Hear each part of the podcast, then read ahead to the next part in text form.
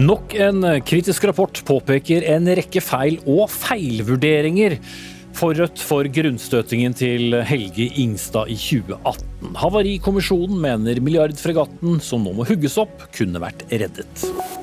Fotballfansen 1, klubbeierne 0. Det ble tap på bortebane for dem som ville lage superliga i europeisk fotball. Dear Courtney Kardashian, eat Norwegian fish, save the planet. Ja, det var budskapet til Norges fiskeri- og sjømatminister til superkjendis som var skeptisk til å spise nettopp fisk. Noe så dumt, er tilbakemeldingen fra Dyrevernalliansen. Og dommen etter drapet på George Floyd gjorde at hele verden fikk se den strukturelle rasismen, sa USAs president. Men endrer det noe, spør Dagsnytt 18. Ja, Velkommen til onsdagens sending. Jeg heter eh, Espen Aas. Stikkord er altså fregatt, fotball, fisk og Floyd. Og la meg også si at det skal handle om forsvarsavtale og folkevalgte om unge asylsøkere. Men vi starter eh, onsdagens eh, sending med nok en skal vi si, knusende rapport etter KNM Helge Ingstads forlis den 8. november 2018. Jeg snakker om del to av Havarikommisjonens arbeid med ulykken.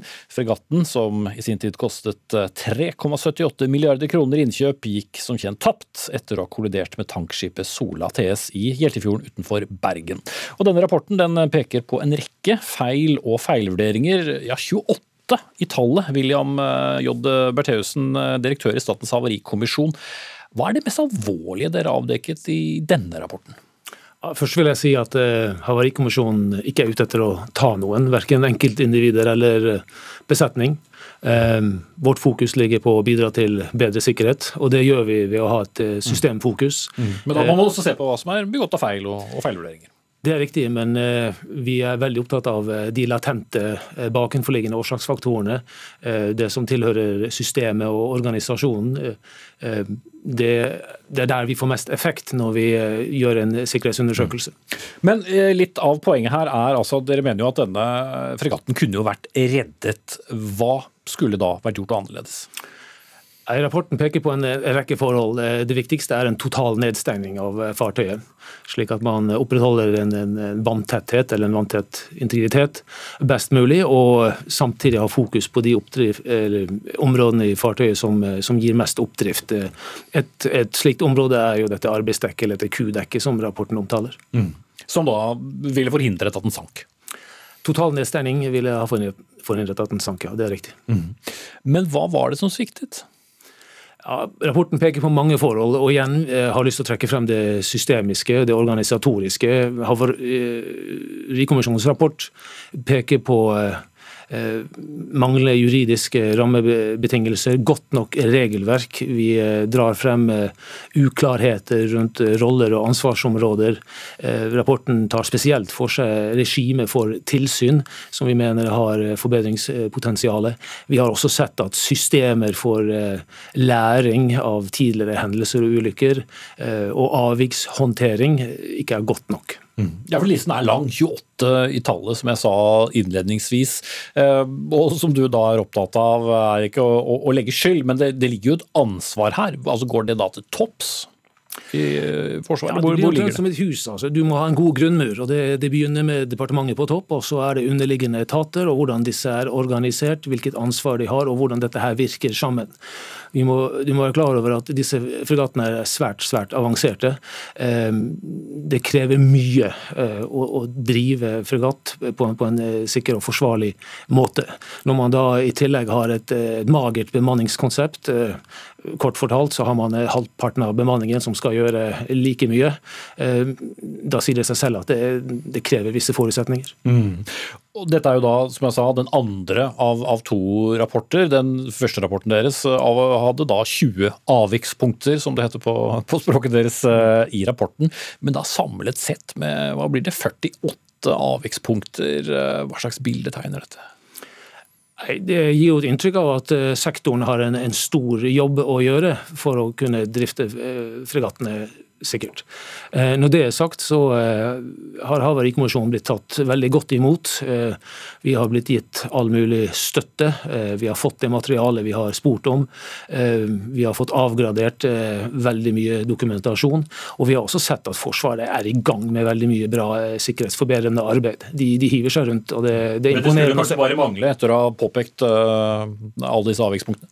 Ja, jeg tror du må være klar over at uh, Forsvaret og Sjøforsvaret, som vi nå har, har, hatt under lupen, spesielt i denne undersøkelsen, har en, en, et ambisjonsnivå og en, en oppdragsportefølje som, som, er stor. og Det er et, et, gap mellom ressurser som er tilgjengelige og, og de mål man har satt seg. Mm. Da skal jeg eh, takke deg av foreløpig, i hvert fall. William Bertheussen i Statens havarikommisjon. Rune Andersen, du er da sjef i, i Sjøforsvaret og med oss eh, på linje fra, fra Bergen. Vi har jo snakket mye om, om, om, kost, om både kostnader og, og, hva dette fikk å, å, bety for forsvarsevnen vår tidligere. Men øh, nå har vi hatt én øh, rapport øh, med 20 avvikspunkter. Her kommer det 28 til. Hva, hva har dere lært? Vi har jo eh, lært mye. Det er, dette er jo en, eh, en, rapport i likhet med den første som er veldig grundig. Og, eh, vi syns Havarikommisjonen har eh, veldig høy troverdighet i det arbeidet de har gjort her, sånn, og tar dette her, eh, veldig alvorlig. Og hele tilværelsen i Sjøforsvaret etter ulykken i 2018 har hatt som høyeste prioritet å jobbe systematisk med de funnene som er kommet både i de rapportene til Havarikommisjonen og de interne undersøkelsene vi har gjort. Mm. Men uh, Noe av kritikken vi kan lese her da, er at uh, Sjøforsvaret ikke ga besetningen uh, sitat, gode nok forutsetninger til å kunne håndtere scenarioet de sto i ulykkesnatten. ja, og, og, og, da mange andre, andre punkter. er du enig i alle punktene? Ja, altså jeg vil i hvert fall ikke sitte her og, og tilbakevise noen av de. Uh, og så er Det klart at det er en knalltøff uh, setning du leste opp. Uh, denne ulykken var veldig stor. Den åpnet opp 45 meter i skutsiden på fartøyet. og Denne rapporten og undersøkelsen etterpå har vist at den, det scenarioet var ikke vi godt nok forberedt på. Samtidig så er det behov for å si at Sjøforsvaret og militære fartøy generelt er jo blant de som trener mest på havari, brann, krisesituasjoner. Det er naturlig. Vi skal være klare til å gå i kamp med disse fartøyene. Mm. Trene veldig mye på det. Men, eh, men, når vi hadde den ulykken, så er det avdekket eh, svakheter som vi må gjøre noe med. Ja, ikke, ikke gode nok eh, forutsetninger. Torbjørn Bongo, du er leder i Norsk offisers- og spesialistforbund, og, representerer slik sett mange av mannskapet som var om bord på, på, på, Helge Ingstad. Hva er din kommentar til, til, til, rapporten i dag, og det bildet den tegner av, av Sjøforsvaret? En av de største utfordringene vi har i eh, både Sjøforsvaret og Forsvaret, er at vi er for dårlige på å beholde personell. For mange slutter for tidlig, som gjør at erfaringsnivået blir for lavt. Og Det har jo Havarikommisjonen både påpekt sannsynligvis var medvirkende til at det skjedde, og at det gikk verre etter at det skjedde enn det det kunne ha gått. Eh, jeg betviler ikke at sjef Sjøforsvaret ønsker seg mer erfaren personell. Det jeg er mer skeptisk til, er om han har rammevilkårene forutsetningene både fra forsvarssjefen, ikke minst forsvarsministeren og regjeringa, til å på en måte faktisk få det til. Mm. Ja, men bare for å stoppe deg der, eh, Bongo, bare for å jeg si, oversette dette til, til praktisk uh, politikk innad i, i Sjøforsvaret. Da. Hvilke forutsetninger er det da som mangler? Ja, altså Sjef Sjøforsvaret skal han klare å beholde og, og, få erfaren personell, så må han kunne tilby både lønn, pensjon, vilkår og rettigheter som på en måte gjør at folk ønsker å bli i Forsvaret og jobbe der over tid. Og Der opplever nok, er vår opplevelse at man fra statsråd og regjeringens side har pålagt en del prosjekter som har bidratt til det motsatte. Mm. En annen utfordring eh, sjef Sjøforsvaret har, er jo at når han ønsker flere eller mer erfarne ansatte på sine fartøy, så har han færre å benytte seg av i, i, for å bemanne fartøyene. Og, og nå øker behovet. Behovet for å være til stede på havet er økende, men han har færre folk å spille på. Mm. Det medfører en økt belastning på de som på en måte er godt nok kvalifisert. Ja. Så han har også behov for å få flere ansatte, for å på en måte sørge for at de ansatte har gjør det mulig å kombinere tjeneste i Sjøforsvaret med et fornuftig familieliv. Ja, jeg sender den ballen til deg. Jeg, eh, Rune Andersen og Havarikommisjonen var jo også absolutt innom dette med bemanning. Eh, hvordan svarer du på kritikken fra, fra Bongo og, og forbundet? Eh, det er for så vidt en helt annen debatt i, i mine øyne. Altså, Bongo det er vel ikke bare det?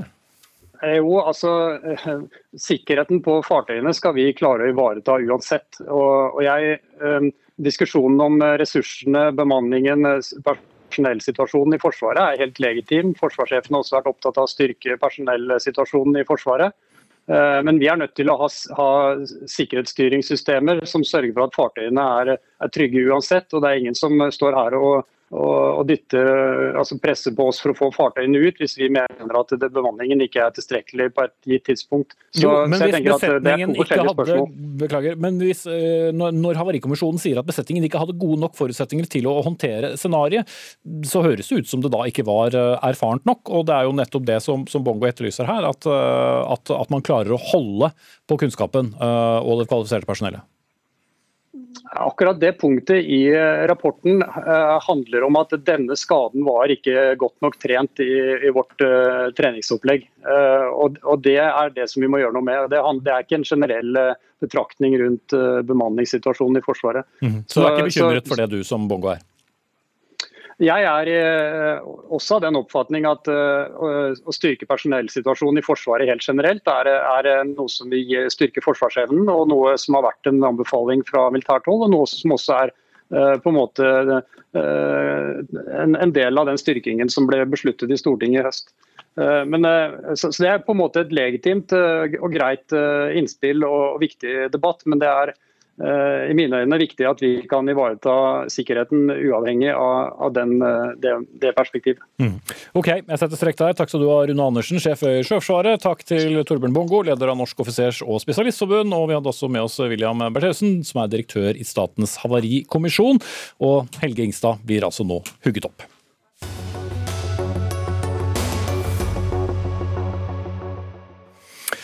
De hadde det overraskende utspillet fra start, men møtte et forsvarsspill de neppe hadde regnet med da supporterne kastet seg på. Jeg snakker om den planlagte og vel trygt havarerte europeiske superligaen som uh, grunnstøtte etter at de seks engelske topplagene som skulle vært med, i går trakk seg etter tur. Og styreformannen i italienske Juventus innrømmet i dag at eh, prosjektet, som han selv hadde ivret for, ja, det mislyktes. Og dermed ble det 1-0 til supporterne, og et solid nedrykk i manges øyne for klubbeierne. Vi skal til Storbritannia, og Bjarte Valen, reporter i Manchester Uniteds skandinaviske supporterklubb avis United-supporteren. Det var altså natt til mandag som nyheten kom om at eh, seks storklubber, Manchester United, Manchester City, Liverpool, Tottenham, Arsenal og Chelsea, eh, skulle være med, i tillegg til da eh, flere spanske og italienske klubber.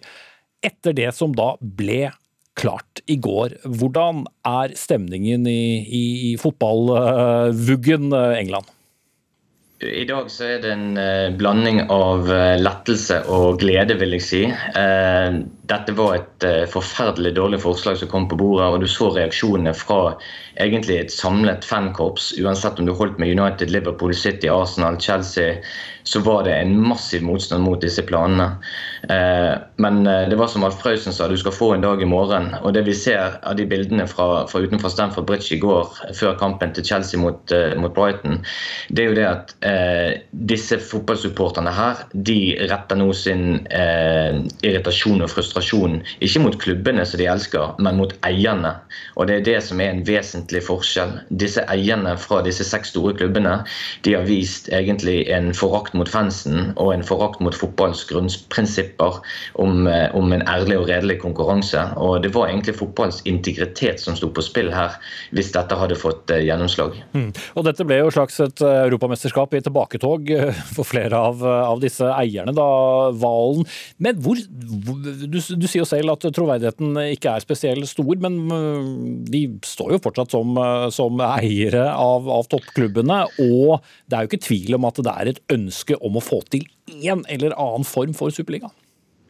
Nei, det er det nok. Og dette er ikke noen nye planer. Altså Grådighet innenfor fotball generelt sett har vi jo sett lenge. Altså Her i England så kan du gå tilbake igjen til, til begynnelsen av 80-tallet. Den gangen Tottenham gikk på børs i 83 som første klubb. Etableringen av Premier League i 92-93, hvor de kommersielle inntektene, spillerlønningene, eh, TV-rettighetene, alt skjøt i været. I 2016 så måtte de eh, britiske TV-selskapene skulle ha rettighetene til Premier League. De måtte ut med 5,1 milliarder pund. Det er sånne summer som er helt umulig å ta inn over seg for mannen i gaten. Så lysten og trangen etter å få inn mest mulig penger, eh, den ligger latent hele veien. Men det var som vi var inne på, altså én ting er pengene. Det som jeg tror var litt av eh, grunnen til at dette ble så ekstremt upopulært, det var at det skulle være en lukket liga der 15 stifterklubber eller founder members skulle være beskyttet mot å kunne rykke ned. Og Hvis ikke du har en konkurranse der eh, sportslige resultater faktisk skal spille en rolle for om du får lov til å delta eller ikke, da er du med å spenne bein under hele integriteten til sporten fotball. Og Det er det tror jeg som faktisk opprørte fansen aller mest. Mm. Og Samtidig får vi håpe det at nå lærer faktisk eh, myndighetene i Storbritannia. De har vært i dialog med mange fansgrupperinger de siste dagene. Og, og de må nå ta til seg eh, det faktum at fansen har en veldig viktig stemme, og kanskje en helt avgjørende stemme for om disse klubbene skal overleve. Eh, for disse eierne kommer til å prøve seg igjen senere. Det er nesten garantert.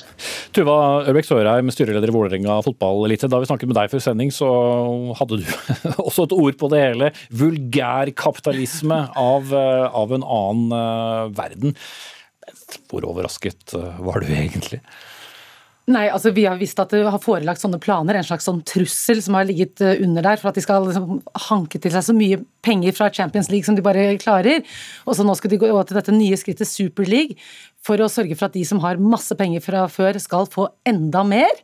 I et lukket system hvor det er helt vanskelig for meg å se hvordan disse pengene liksom skulle sildre nedover i systemet, hvor konkurranseelementet er borte, hvor altså det eneste målet er penger.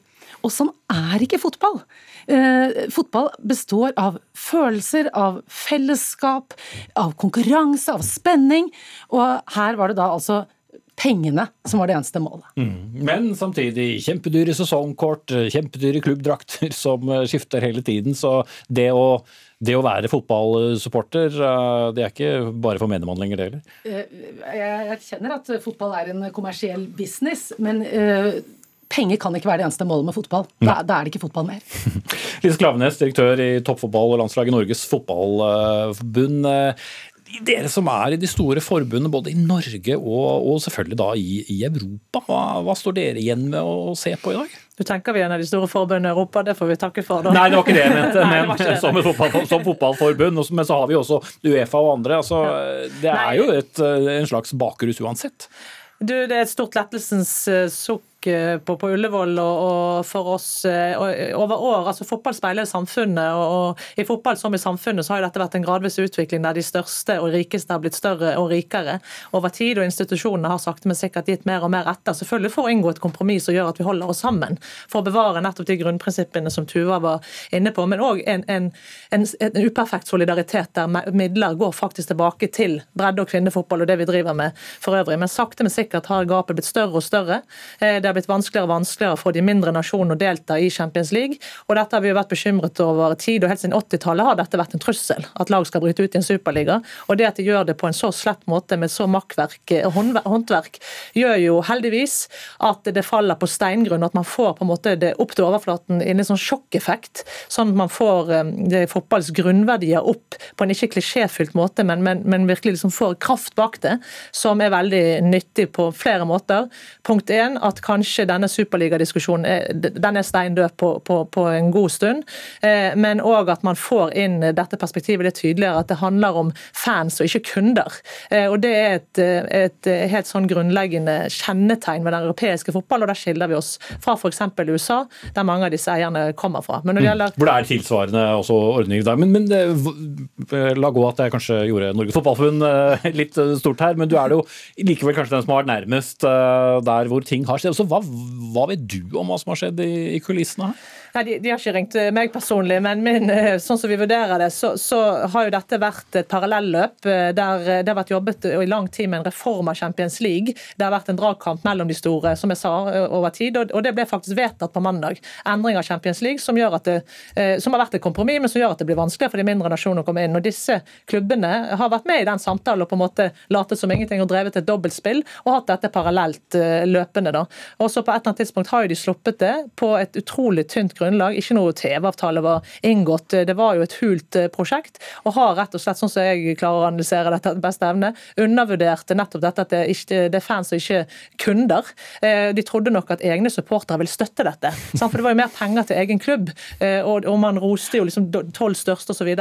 Men engelske fansen gikk ut og viste at de var fans og ikke kunder, og snakket om konkurransekraft. De, de ville ikke på en måte skape den økonomiske ubalansen i Premier League. De vil ha konkurranse som et grunnprinsipp. Og så bare et tilleggspoeng er jo en ting i de engelske lagene, men, men Barcelona, Real osv. de er jo dundrende underskudd. Så grådighet de de har, et abnormt forbruk som skaper jo en desperasjon hos de. Mm. Ja, til slutt, eh, Sørheim, tiden, tiden går raskt her. men uh det at eierne har vist det ansiktet de har. La og mange sier nå ja, ja, dette ventet eh, vi bare på. Men nå har de jo vist det, da. Og så skal de prøve å opparbeide en eller annen troverdighet som, som eier i tiden som kommer. Ja, Det tror jeg de skal slite hardt med, men det som jeg synes har vært bare interessant her, er å se den kraften som har ligget hos supporterne. Og som vi også så i Norge tidligere, bare for en måneds tid siden, at supporterklubbene krevde uh, boikott av Qatar-VM, og at uh, Fotballforbundet da måtte starte, ha et ekstraordinært fotballting bare for det. Det viser jo at fotballdemokratiet fungerer. Og jeg tenker at jeg bare håper at flere supportere vil engasjere seg, at folk vil melde seg inn i de lokale fotballklubbene sine. Eh, gjerne Vålerenga! Og eh, at man eh, kan fortsette å inkludere hele fotballfamilien. At det ikke bare sitter noen eiere på toppen og bestemmer. Mm. Skulle nesten tro at det handlet om et spill i bunnen her. Takk skal dere ha, Tuva Ørbekk Sørheim, styreleder i Vålerenga fotballelite, og Lise Klavenes, direktør for toppfotball og landslag i Norges Fotballforbund. Og med oss også da fra Manchester Uniteds skandinaviske supporterklubb på de britiske øyer, Bjarte Valen.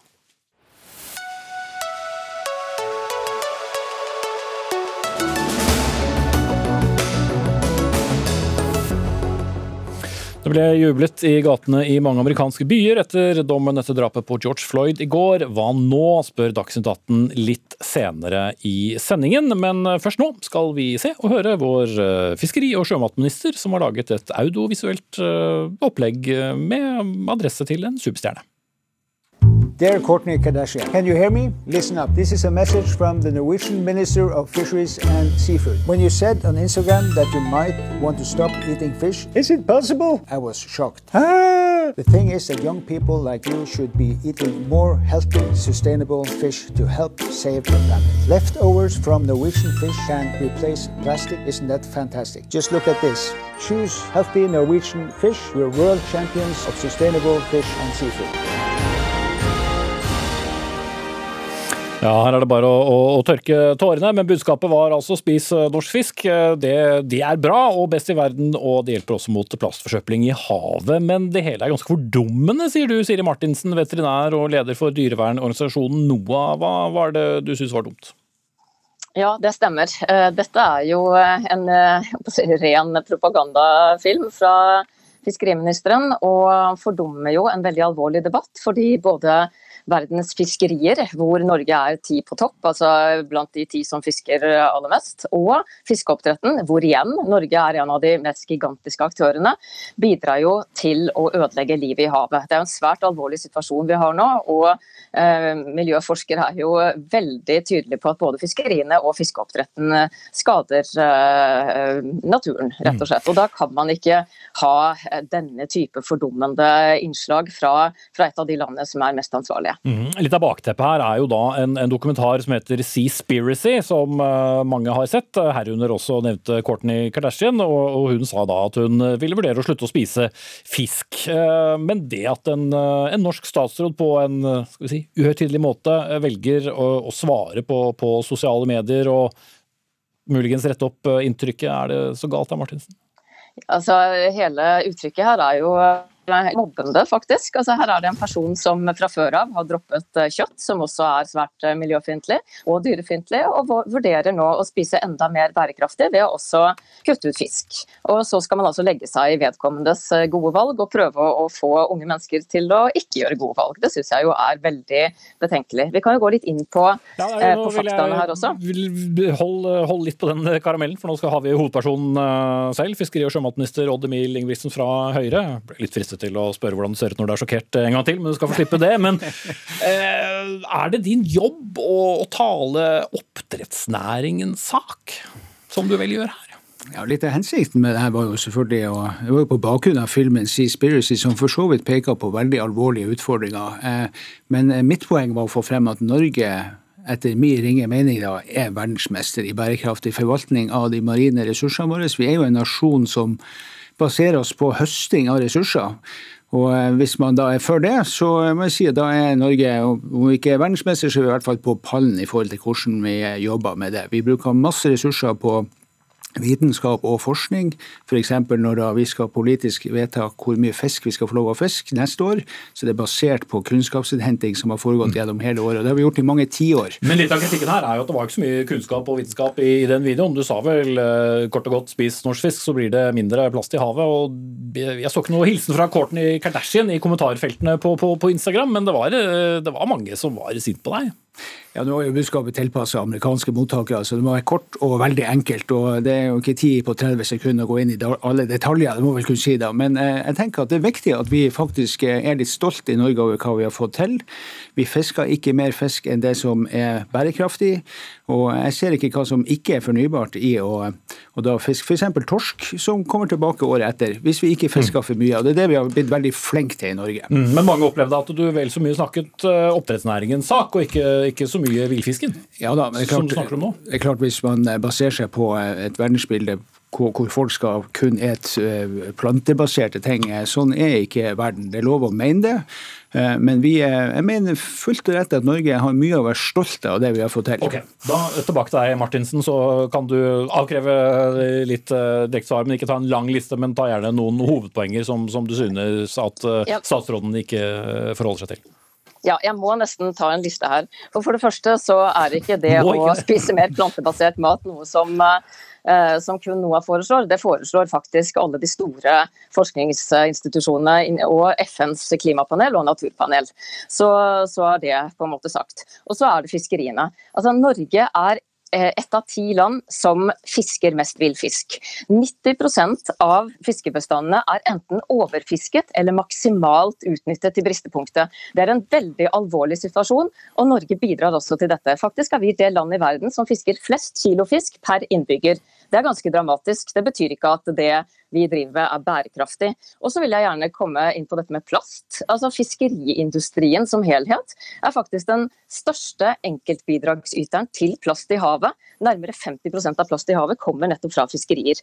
Og så har vi jo klimautslippene da, fra trålerflåten. Eh, ja, så får du Eh, ja, nå Trollflåten slipper ut mer klimagasser enn alle, alle, flyreiser. Og Norge er igjen på en pallplass blant ti på topp, men det er ikke en pallplass å være stolt av. Og så er det fiskeoppdrett. Nei, nå må vi stoppe hvis vi skal få rekke å få noen uh, svar her. Jeg sa du ikke sultan ta i liste, men uh, med Ingebrigtsen ja.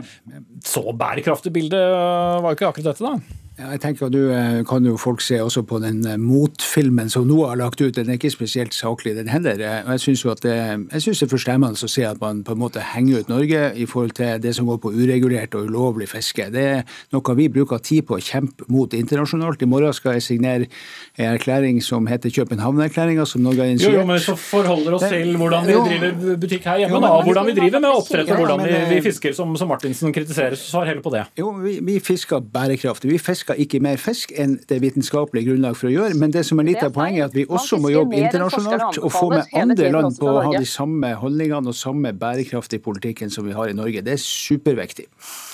Nei, men altså Det er jo direkte feil. Eh, forskerne anbefaler kvoter som er lavere enn det Norge setter. NOAS film har for øvrig kilder som man kan se på. Og når det er gjelder fiskeoppdretten, ja, og når det gjelder fiskeoppdretten, så kom det nylig en internasjonal rapport som sier at den eh, har store økonomiske, økologiske og sosiale konsekvenser. og Norge har altså ti på topp der. Norge Veterinærinstituttet kom nettopp informert. Veterinærinstituttet, Veterinærinstituttet kom nettopp med en rapport som sier at når det gjelder sykdom og, hos, og dyrevelferdsproblemer hos fiskeoppdrett, altså hos oppdrettsnæringen, så er det ingen bedring. Så det er ingenting å være stolt over. Men Havforskningsinstituttet kom også med en rapport om Ingebrigtsen som sier at vi Nei, ikke har Martinsen, nok kunnskap. Jeg vil bare si at Det å få til et kyststatssamarbeid er veldig viktig. Vi må ha et globalt samarbeid. Statsministeren vår har prioritert å lede FNs havpanel. Hvis man ikke får til et eh, forpliktende internasjonalt samarbeid, så hjelper det ikke hva Norge gjør alene. Vi er utrolig flinke på det vi gjør, og kan være et fortsatt foregangsland for Så du, du, står for, du står for inntrykket, et eller annet inntrykk i videoen din? Absolutt. Ok, Tiden vår er ute. Takk til uh, Odd Emil Ingebrigtsen, fiskeri- og sjømatminister, og Siri Martinsen fra NOAH.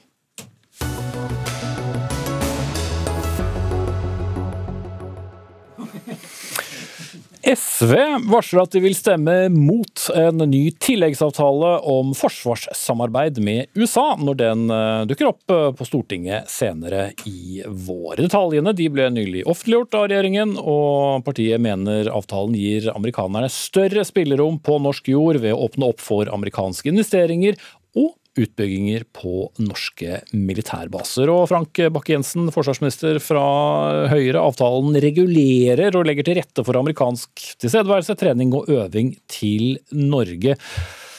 Det bidrar til at Norge raskere kan motta forsterkning fra USA, kunne vi lese på hjemmesidene deres. Men, men hvorfor trenger vi denne avtalen? Ja, vi har jo et, eh, vi har et snart 70 år eh, langt forsvarssamarbeid med eh, USA.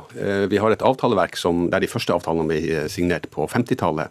Jo, det er lang historie, men nå knytter vi oss altså enda nærmere. Ja, Den lange historien er viktig for at vi skal kunne svare på spørsmålet ditt. Det vil altså forsvare det at vi er nødt til å ha et moderne avtaleverk også for eh, samarbeidet med vår viktigste allierte nå. Og det er det vi har. eh, Vi har fått en tilleggsavtale nå som eh, tar inn over seg en del av de mer moderne sidene av, av sikkerhets- forsvarssamarbeidet. Så får vi regulert samarbeidet på Men en veldig god måte. Men åpner vi Norge mer for uh, USA? Avtalen regulerer eh, det vi, altså samarbeidet med USA. Det er ingenting i avtalen som sier at vi skal ha mer samarbeid. Det er en avgjørelse som vi eh, eventuelt kan ta senere, men, men den rammer inn samarbeidet med, med USA på en veldig god måte. Og så er det en eh, avtale i full åpenhet. Det at SV allerede nå varsler at de skal stemme imot, det forteller jo at dette er en veldig god avtale. Også for det punktet som SV har etterlyst. De sier vi diskuterer de her tingene for lite. Nå får vi altså en god politisk diskusjon på det, men i stort så er det en avtale som er viktig for at vi skal ha et regulert og godt forsvarssamarbeid med vår viktigste allierte, USA. Ok. Ingrid Fiskå, sentral styremedlem i SV, også leder i Rogaland eh, SV. Hvis du skal da peke på, på noe konkret i denne tilleggsavtalen som, eh, som du og dere mener er særs eh, problematisk og, og vil ha svar på, hva er det? Denne avtalen legger til rette for økt amerikansk militær aktivitet i Norge. Det er jo hele formålet med den.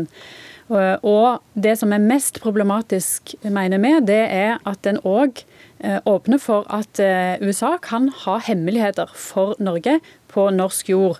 Der de såkalte omforente sonene, som en kaller det, som altså vil være på Sola og Evenes og Rygge og Ramsund i første omgang i alle fall, åpner altså for at USA kan nekte oss tilgang og holde hemmeligheter for oss. Det er svært problematisk, og det innebærer jo at vi avgir suverenitet på norsk jord. Mm. Svar på det, Bakke-Jensen. De, de omforente områdene det handler om at det, det er områder der vi skal kunne re, re, regulere aktivitet både mellom for amerikansk allierte og, og norsk militær aktivitet. Det at det innenfor et omforent område kan være et skjerma område som bare USA har tilgang til, det handler om at eh, militære nasjoner, også vi, når vi f.eks. reiste til, eh, deployerte til Island med F-35, har med oss noen containere med særdeles sensitivt utstyr der bare nordmenn har tilgang. Inn på et område så er det avsatt et, et område. Det er ikke sånn at vi da har en norsk militær base på Island, men det her er en naturlig del av at, eh, nasjoner reiser med teknisk, høyteknisk eh, avansert utstyr og har behov for å skjerme deler av det. Mm. Så du som forsvarsminister tenker at det, du trenger ikke å vite hva amerikanerne setter på norsk jord? Jo, men eh, det, er jo, det her er jo snakk om, om utstyr. Det er sånn at Ethvert eh, omforent område skal reguleres gjennom en spesifikk avtale for det området. Bruken av det, hva som skal kunne være der. Og vi har, vi har eh, styring på, eh, på, alt som skal kunne være der, og eh, tar det avgjørelsen om vi skal være med på utbygging eller ikke. Mm. Fiskal. Ja, Forskjellen fra når Norge tar med seg en container til Island og dette, det er at USA altså kommer til å ha en permanent tilstedeværelse og områder der Norge ikke vil ha tilgang. Så Det er jo en ganske viktig forskjell. I tillegg så forbeholder altså USA seg retten til å selv straffeforfølge og ha politimyndighet for sine eh, militære styrker på norsk jord. Så å si at dette ikke innebærer å avgi suverenitet, det, eh, det, er jo å omgå eh, det som faktisk dette handler om. Mm. Eh, dere har også sagt Fisko, at avtalen fører til økt spenning. Hvordan da? Jo, ved å invitere eh, og ha eh, amerikansk eh, tilstedeværelse enda tydeligere. Dette er jo en del av et mønster der vi steg for steg med denne regjeringa knytter oss sterkere til USA. Og det å ha økt amerikansk tilstedeværelse gjør oss mer avhengig av USA i forsvarspolitikken, så er det klart at det bidrar òg til økt mistenksomhet og økt spenning mellom stormaktene i nord. Og er det noe som er i norsk interesse her, så er det nettopp det motsatte. At vi bidrar til å dempe spenninga, dempe mistenksomheten og eh, sørge for at forholdet mellom stormaktene i vårt område er så eh, rolig og avspent som bare mm. mulig. Mm. vi vet jo at russerne er jo veldig opptatt av eh, amerikansk tilstedeværelse.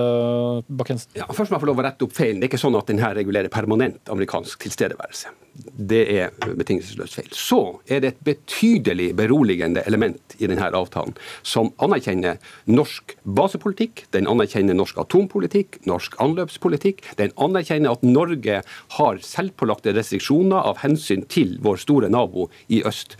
Her er både sett fra USA, fra Norge og fra Russland et betydelig beroligelseselement i en åpen avtale som forteller at USA eh, respektere vårt, uh, vårt, vår geografiske plass, plassering og de nasjonale uh, vedtakene vi har gjort av hensyn til, til naboen i øst. Men poenget sånn til Fiske er vel at russerne ikke blir så beroliget av økt amerikansk tilstedeværelse? Jeg er ganske sikker på at Russland blir beroliget av at vi har signert en, en åpen avtale som regulerer de tingene. Vi, har, vi praktiserer stor åpenhet og stor transparens på den allierte aktiviteten i Norge, nettopp av hensyn til vår, eh, vår nabo i øst. Det kan godt hende at vi får oss ei breiside fra eh, talsmannen i Utenriksdepartementet eller et leserinnlegg fra ambassa russiske ambassadøren, men i stort så er det faktisk et betydelig beroligende element i at vi har åpenhet om det avtaleverket vi har. Mm.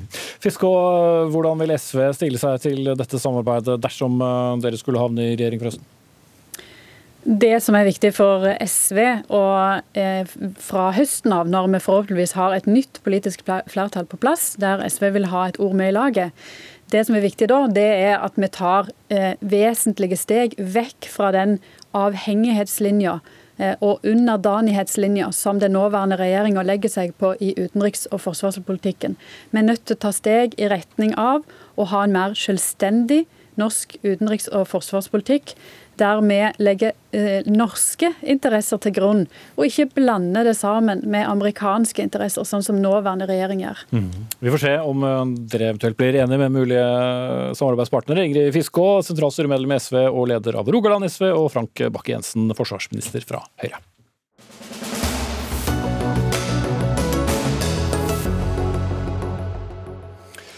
Så skal det handle om eh, den dommen som vel eh, er eh, omtalt i særs mange verdenshjørner det siste døgnet. Dommen mot den tidligere politimannen Derek Chauvin, som i går altså som kjent ble funnet skyldig i drap på George Floyd. Og en dom var også det eneste USAs president mente var det eneste riktige, sågar før den ble avsagt. Det har vært stor jubel og feiring hos George Floyds støttespillere, naturlig nok korrespondent eh, Anders Magnus eh, med oss eh, direkte. Da har det, da har det gått en dag. Hvordan, hvordan har dommen landet hos amerikanerne? Ja, Det er ikke en dom enda. Den kommer først om åtte uker. Det er en kjennelse fra, fra juryen at han er skyldig. Og resultatet har jo vært at det er full ro her nå. Denne plassen var tjåka full i går av masse mennesker som ventet på utfallet. I dag er det nesten ingen i denne parken foran eh, myndighetsbygningen hvor rettssaken har blitt eh, gjennomført eh, bak meg her nå. Så det er stort sett lettelse, glede, men også at man tenker videre. Hva, hvordan kan vi komme videre i spørsmål om forhold mellom politi og særlig den svarte delen av befolkningen. Ja, og Hva vil skje uh, politisk? Uh, som, som, nevnt innledningsvis var jo Joe Biden veldig opptatt av, av viktigheten uh, av, utfallet her allerede før jurymedlemmene hadde ferdig behandlet. Men vil det føre til noen endring i praktisk politikk? Demokratene har jo eh, fått vedtatt et nytt lovforslag i eh, representanthuset, som er den lavere delen av eh, nasjonalforsamlingen, lavere kammeret. Den har til og med fått navn etter George Floyd. Og her ønsker man da å forby f.eks. For det grep, politigrepet som Derek Chauvin tok på George Floyd, slik at han døde. Og det er også en masse andre endringer i politiets arbeid i denne, dette lovforslaget. Men det som må gjennom Senatet, der mangler eh, demokratene ti eh, representanter fra, eller ti senatorer fra republikanerne for å få eh, gjennomført og vedtatt et slik, en slik lovforslag. Og muligheten til det er nærmest null. Mm. Mohammed Abdi, lærer og skribent med oss på linje. La meg sitere noe du skrev i går. Om under én time får vi vite at Derek Chauvin slipper unna med å ha drept George Floyd. De slipper alltid unna med slikt, eh, skrev du, før denne kjennelsen eh, kom. Eh, hvordan var det å ta feil? Altså For en gangs skyld så var det veldig greit å ta feil, fordi det viser seg at man skal ikke alltid tro blindt på statistikken det er jo statistisk sett det jeg sa var jo riktig i den måten at det er veldig få tilfeller. Man kan sikkert telle på én hånd eller to hvor det har vært en eh, kjennelse og, og dom. da, Hvor en politimann som har skutt en eh, sivil, har blitt uh, gått gjennom rettsapparatet. da. Så det var egentlig bra å ta feil for en gangs skyld. Men um, det mange jo er opptatt av, er jo ikke bare dommen i seg selv. Uh, både Kamala Harris uh, har snakket om strukturell rasisme, Joe Biden har, uh, har snakket om, om viktigheten av, av, det som nå kommer. Tror du at dette er første steg mot endring i USA? Nå, nå, var jo Anders Magnus inne på en av de uh, viktige poengene. Da, fordi Mange amerikanere feira jo det, og særlig familien til George Floyd var jo veldig glad over at for en gangs skyld så ser det ut som det blir rettferdigheten fylles. Men uh, man skal være forsiktig med å feire for mye, fordi systemet som uh, på en måte har bidratt til det som skjedde med George Floyd og mange andre etter, ettertid og før det, er jo fortsatt der. Og det er jo én ting å gå ut i gaten og demonstrere og et, uh, marsjere mot uh, politivold og strukturell rasisme. Det er noe annet å få til et sånn uh, systemendring. da. og det lovforslaget som Anders Magnus var inne på, er jo et som ligger bare i Kongressen og har ikke gått videre, som mange demokrater er veldig opptatt av å få fram. Som er en slags politireform. Men om hvorvidt det blir noe Eh, radikalt annerledes i USA eh, som følge av dette, denne kjennelsen, det er ikke godt å si, for, for, å være helt ærlig. Men det er en vitamin, det kan være en sånn slags vitamininnsprøytning for Black Lives Matter-bevegelsen og borgerrettsbevegelsen i USA. At de skjønner at det hjelper å bruke eh, altså rettsapparatet for å nå fram. Da. At det ikke bare hjelper å marsjere i gata. Marin Hiva, du er leder av Oslo AUF. Eh, og Både Joe Biden og Kamala Harris har også sagt fokus på den strukturelle rasismen i, i USA. Men, eh, men, dere i Oslo AUF eh, har også vært opptatt av den type strukturell rasisme i Norge. Mm. Uh, og Vi trenger sikkert ikke å bruke masse tid på å, å sammenligne Norge og, og, USA, men hva slags strukturell rasisme vil du peke på her, og hvordan kan uh, i hvert fall dette være med på å å gi dere uh, hjelp? Nei, altså, jeg tror i hvert fall det du sa først, at den strukturelle rasismen vi snakker om i USA, det er, altså, sånn, det er, jo, ikke helt, det er jo ikke det samme som i Norge. Um, og i det norske samfunnet så ser Vi at vi snakker jo om de uformelle strukturene som, som er ganske usynlige, som vi egentlig ikke ser. Og Det ser vi når det kommer til liksom, at det er eh, minoriteter da, i storsamfunnet eh, som blir som blir da diskriminert. Da. og det kan vi se når det kommer til jobbintervjuer, eller hvis det er Når man skal liksom når man skal i hvert fall, Det her med jobbintervjuer, og så er det det med når man skal leie bolig. Eh, og så er det vanskeligere eh, når det kommer til det her med etnisk profilering, da, at eh, unge med minoritetsbakgrunn føler at de oftere blir stoppa av politiet. Og Det er jo de strukturene vi snakker om. og Det er jo ikke fordi man er ond eller ønsker å være rasist, men fordi man ubevisst er ekskluderende. da. Mm. Men er det da strukturelt? Det er, jo da, altså det, man, altså sånn, det er jo strukturer som går igjen, og det er jo det vi snakker om. Vi snakker om noe som skjer over flere ganger. Så jeg vil jo si at det er ganske strukturelt. da. Eh, Abdi, denne, vi var jo så vidt innom det. Drapet på, på, på, George Floyd har jo da i hvert fall satt fart i bevegelsen Black Lives Matter, som for all del var i gang før dette også skjedde. Den har jo også vært omdiskutert, men er beveg, en slik bevegelse også viktig for å få til endringer? Ja, i høyeste grad så vil jeg si det. Uh, i, amerikansk, altså I amerikansk sammenheng så er jo Black Lives Matter enda mer viktigere. fordi der er jo det en befolkning som har uh, blitt utsatt for en strukturell rasisme jeg skulle ikke si siden tidens morgen, men det er jo en veldig åpenlys form av rasistiske strukturer der. Men det er en bevegelse som også har sine fordeler ved at den er veldig ikke, Den er ikke hierarkisk, og den er ikke sånn dogmatisk på den måten at den, den sier ikke bestemt at du skal følge en bestemt retning eller ha antirasistisk praksis som er en bestemt antirasistisk praksis, men at det er mer sånn åpent. Fordi Hvis Black Lives Matter var en, en veldig sånn snever bevegelse, så hadde ikke vi hatt en sånn bevegelse i Norge. til og med. Eh, borgerrettsbevegelsen i 1960-tallet sammenlignet med Black Lives Matter er for det første eh, enda mer mangfoldig. Eh, både når det kommer til klasse, når det kommer til etnisitet, og eh, eh, enda mer global enn det Martin Luther King Jr. og de andre var. Det var egentlig en veldig liten bevegelse når man tenker i ettertid, sammenlignet med Black Lives Matter. Mm. Skal tilbake til deg straks, Hiva, men jeg bare stille et spørsmål til uh, Anders Magnus, som, som, fortsatt er med oss. For uh, visepresident Kamala Harris har jo også adressert som man sier, denne rasismeutfordringen og, og, snakket om den lange historien med strukturell rasisme, som hun nevnte, og pekt på at svarte amerikanere har blitt behandlet som mindre enn en mennesker. Men det er jo en viss fallhøyde for å faktisk vise at man klarer å gjøre en, en endring for, for Harris og, og Biden-administrasjonen?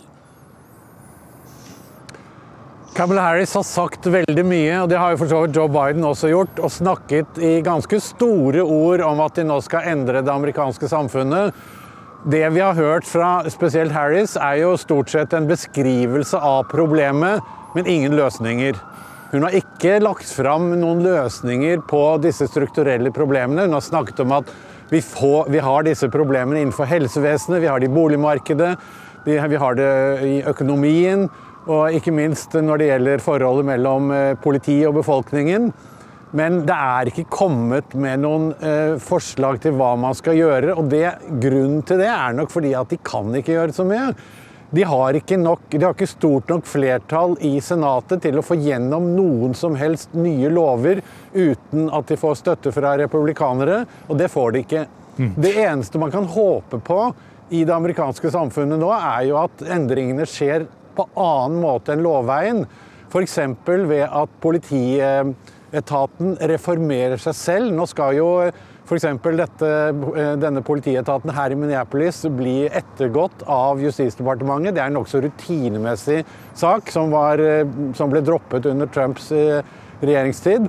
Nå skal det tas opp igjen. Det kan bidra til at man endrer rutiner og praksis her. Og det er de lokale politistyrkene som må gjennomgå endringer for at man skal se en endring i forhold til befolkningen og politiet. Og så må det skje endringer lokalt sett på delstatsnivå når det gjelder f.eks. bolig og helsemessige ting også. Man kan gjøre mye på delstatsnivå, men føderalt sett så kommer nok eh, eh, de svarte til å synes at det Biden og Harris får til, det er stort sett bare store ord og lite konkrete tiltak. Mm. Ja, Det ble langt fra USA på slutten her, men jeg må bare spørre deg veldig kort til slutt. da, for Dere mener jo at da kommunalt ansatte f.eks. kan skoleres i, eller kurses, da, strukturell rasisme. Hvordan eh, kan man gjøre det, hvis du kan svare kort på det? Jo, nei, altså Det handler om at vi ønsker å heve kompetansen blant de høye stillingene både i staten og i kommunen.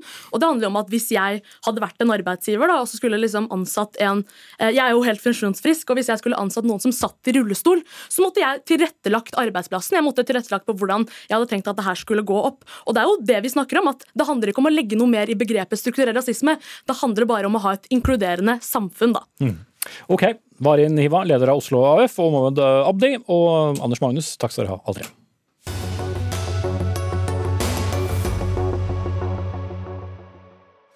Regjeringen vil ha det lovfestet at det er UDI og ikke barnevernet som skal ta seg av enslige asylsøkere mellom 15 og 18 år, slik det for så vidt i realiteten også er i dag. Så hvorfor reagerer dere på dette Karin Andersen i SV, leder av kommunal- og forvaltningskomiteen på, på, Stortinget. Du kaller regjeringens forslag for nedslående i vårt land. Ja, det er jo å lovfeste et brudd på menneskerettighetene. Men det er to hovedproblemer. Det ene er Norge har undertegna barnekonvensjonen. Og da er vi forplikta til å behandle alle barn like godt. Og det omsorgstilbudet som disse enslige mindreårige får, er dårligere enn norske, det norske barn får hvis de ikke har foreldre og er alene. Den andre biten av det er jo at nå har vi fått veldig mye informasjon om at dette dårlige omsorgstilbudet òg resulterer i at uh, disse ungdommene får veldig dårlig psykisk helse. Og dette er jo ungdommer som har ja, eh, jeg tør nesten ikke tenke på hvordan, hva de har opplevd. Eh, og vi vet jo at eh, når ungdom har vært utsatt for slike ting, så trenger de virkelig god omsorg trygg omsorg og høy kvalitet på det mm. tilbudet de har. Og det kan ikke UDI by på? Nei, altså det er jo det er for dårlig nå, og det har jo alle rapportene vist. Og det sier også alle faginstansene som kan noe om dette. Dette er for dårlig. Og nå vil altså regjeringa både lovfeste at UDI skal fortsette, og de vil ikke si noen ting tydelig om at tilbudet skal bli bedre. Tvert imot sier de tilbudet er bra nok som det er i dag. Ove Trellevik, medlem av kommunal- og forvaltningskomiteen på Stortinget fra regjeringspartiet Høyre. Er det til barnas beste og, ja, og i tillegg et lovbrudd det dere skal lovfeste? Det er selvsagt ikke brudd på verken menneskerettighetene eller brudd på barnekonvensjonen. Og Det går jo òg fram av høringsinnspillene som, som mange har kommet med. Det handler om at vi skal tilby likeverdig omsorg. Og det gjør vi. vi tilby... Men hvordan blir det likeverdig når noen skal behandles av andre? Ja, det er akkurat det. Altså, Likeverdig omsorg har ikke noe om hvem som tilbyr omsorgen. Likeverdig omsorg handler om hva tjenester du faktisk får. Og Høringsspillene går på at vi skal, burde bemanne opp og ha bedre kompetanse. og Det kommer vi òg til å følge opp. Men, men, men, det at man bryter menneskerettighetene, om det er UDI som har ansvaret, eller om det er en fylkeskommune som har ansvaret, eller det er statsforvalteren eller en kommune, det er ikke sånn det fungerer. Men det er ingen forskjell på om det er barnevernet eller uh, UDI? Barne, barnevernstjenesten har ansvar. Lov om barnevernstjeneste gjelder alle barn, også de som bor på asylmottak. sånn at det skal ikke være tvil om at barnevernsloven òg gjelder for barn på asylmottak. Men det handler om hvem som har ansvaret her. Mm. Sektormyndighetene vil allikevel ha det faglige ansvaret både for barnevernstjenesten, for skoledriften, undervisningen. All sektormyndighet som hun kritiserer her for sier at de har for dårlige tjenester, har ansvaret for å produsere mm. de gode tjenestene. Det er veldig mye feil i det Trellevik nå sier. For det første så har faginstansene, sånn som Nasjonal eh, institusjon for menneskerettigheter, Unicef, Redd Barna, alle de som kan Barnekonvensjonen, Barneombudet òg, slår helt entydig fast at det er et brudd på Barnekonvensjonen hvis man lovfester at omsorgstilbudet skal være forskjellig. Og Problemet òg med det Trellevik nå sier, er at regjeringa i proposisjonen sier at de mener det er bra nok, og de vil ikke vise fram til Stortinget det som han nå sitter og påstår, nemlig at det skal bli bedre. Og det vi sier er at disse unga er akkurat like mye alene som de norske unga som ikke har foreldre. Og da bør det være det nivået som barnevernet har. Og det er det ikke i dag. Det andre som man sier er barnevernet har på en måte ansvaret. Ja, det skjer bare hvis det er noe, skjer noe gærent med disse unga. Mm. Da kobler man inn barnevernet. Og Det betyr at de får ikke beskyttelse når de trenger omsorg, men de får eh, kontakt med barnevernet bare når noe går riktig mm. gærent. Trellevik skal få svare på det, men altså, du, du, mener at det er ikke mulig å kunne gi det samme tilbudet da via UDI som barnevernet gjør det, alene? Det kunne vært mulig. Men det har jo ikke regjeringa vist i det hele tatt. Tvert imot sier de at tilbudet i dag er godt nok. og det tilbudet har vi nå fått dokumentert er så dårlig at det sitter unger der som skader seg sjøl, som har sjølmordsforsøk, og som har store problemer. Og alle fagfolkene sier dette er for dårlig. Og hvis vi skal sørge for at disse gutta, og det er stort sett gutter, men også jenter, skal klare seg godt, så er de nødt til å få et bra omsorgstilbud, mye bedre omsorgstilbud enn det de får i dag. Hvordan skal det sikres eh, konkret, Trellevik? Annet enn å si at de skal ha rett på det samme. De skal ha rett på det samme, og vi skal sikre det. Og det, det handler jo også om, altså Det står i proposisjonen at man skal styrke både kompetanse og at man skal, skal styrke eh, bemanningen. Det står eh, i oppfølging av høringsinnspillene i proposisjonen. Jo, men hvem sikrer det? Hvem har hovedansvaret? Det er UDI som har ansvaret. Det er det som er poenget. Man skal ikke fragmentere ansvaret. Det er UDI som har det totale ansvaret for dette. her. Og Så skal vi ha et uavhengig tilsyn som skal følge dette opp. og Dette blir betydelig bedre fulgt opp enn hva det har vært tidligere. Så tilsyn skal sjekke om UDI gjør den samme jobben som barnevernet Det handler om at de som bor på mottak òg får et uavhengig tilsyn som de kan henvende seg til, og andre interessenter som mener om UDI da skulle ikke levere gode nok tjenester, så er det et uavhengig tilsyn som skal kunne påse at dette er riktig. Og, og fordelen med det? bare for ja, Fordelene er jo så helt klart at bor du på et mottak, så, så bor du i lag med mennesker på, som på, en måte er på mange måter i samme situasjon som deg sjøl. Enten det er fra samme land eller hva det er for noe. Det handler om både kultur og alt. Og skal du bo på en barnevernsinstitusjon i Norge med norske barn, så blir det helt noe annet forhold. Men det, men det, er, men det er, det da ingen som har sagt at det skal være sånn. Skal du lage nye barnevernsinstitusjoner nå? Vi skal ha institusjoner som disse unga bor på som barnevernet har ansvaret for. Fordi i dag er det jo sånn at hvis du er under 15 år, så har jo eh, barnevernet ansvar for disse unga. Sånn at her er det jo et tilbud til noen. Det er bare at hvis du da bikker 15, så skal du få et dårligere tilbud. Men det som er positivt i det Trellevik sier nå, er jo at han sier at det skal opprettes et uavhengig tilsyn. Det, det, hadde vi kontakt om for noen dager siden, og da fikk jeg beskjed om at uavhengig skulle det ikke være. Så hvis dere har forandra syn på det nå, så er jeg veldig glad for det. For mm. det er i hvert fall en forsikring. Altså, Tilsynet skal selvsagt være eh, et uavhengig tilsyn, det står i proposisjonen òg. Men så spørs det hva man mener eh, med organet, om det er uavhengig. Og Det er jo det som var, var, var oppfølgingen til den debatten. Da. Men det er en helt annen debatt. Poenget er at det er et uavhengig tilsyn skal selvsagt over og underlagt politisk kontroll. Mm. Men, men, men, i praksis så blir det, det blir jo ikke noen stor forandring. Den store forandringen er vel det at man gjør det til lov. Men praksisen har vel sitt da skjønner vært i, tilbake til dere satt i regjering, ja, at uh, UDI gjør det? Da fikk vi til at eh, de opp til 15 år kom inn under barnevernet. Og det var veldig nødvendig og riktig. og det har eh, det har vel stort sett stått på penger, på at man ikke har sørga for et godt nok omsorgstilbud til alle. Nå er det òg veldig få, så nå burde man bruke muligheten til å sikre alle disse ungdommene et bedre omsorgstilbud. For det vil vi tjene på alle sammen. Også dem som skal reise ut, eller om de skal få bli. Så vil de klare seg bedre hvis de får et bedre omsorgstilbud. Mm. Og Jeg tipper hvis vi hadde hatt mer tid at du ville sagt at det er nettopp det de får, øh, Ove Trellevik. Men jeg må, må, må takke deg av, for det er 35 øh, sekunder igjen. Så jeg rekker bare å si at du er medlem av øh, kommunal- og forvaltningskomiteen fra Høyre. Karin Andersen, leder av kommunal- og forvaltningskomiteen. Forslaget skal stemmes over. Se på jukselappen 27. april. Dag Dørum var var ansvarlig for dagens eh, sending. Hilde Tosterud tok seg av det tekniske. Jeg heter Espen Aas. Vi er tilbake i morgen.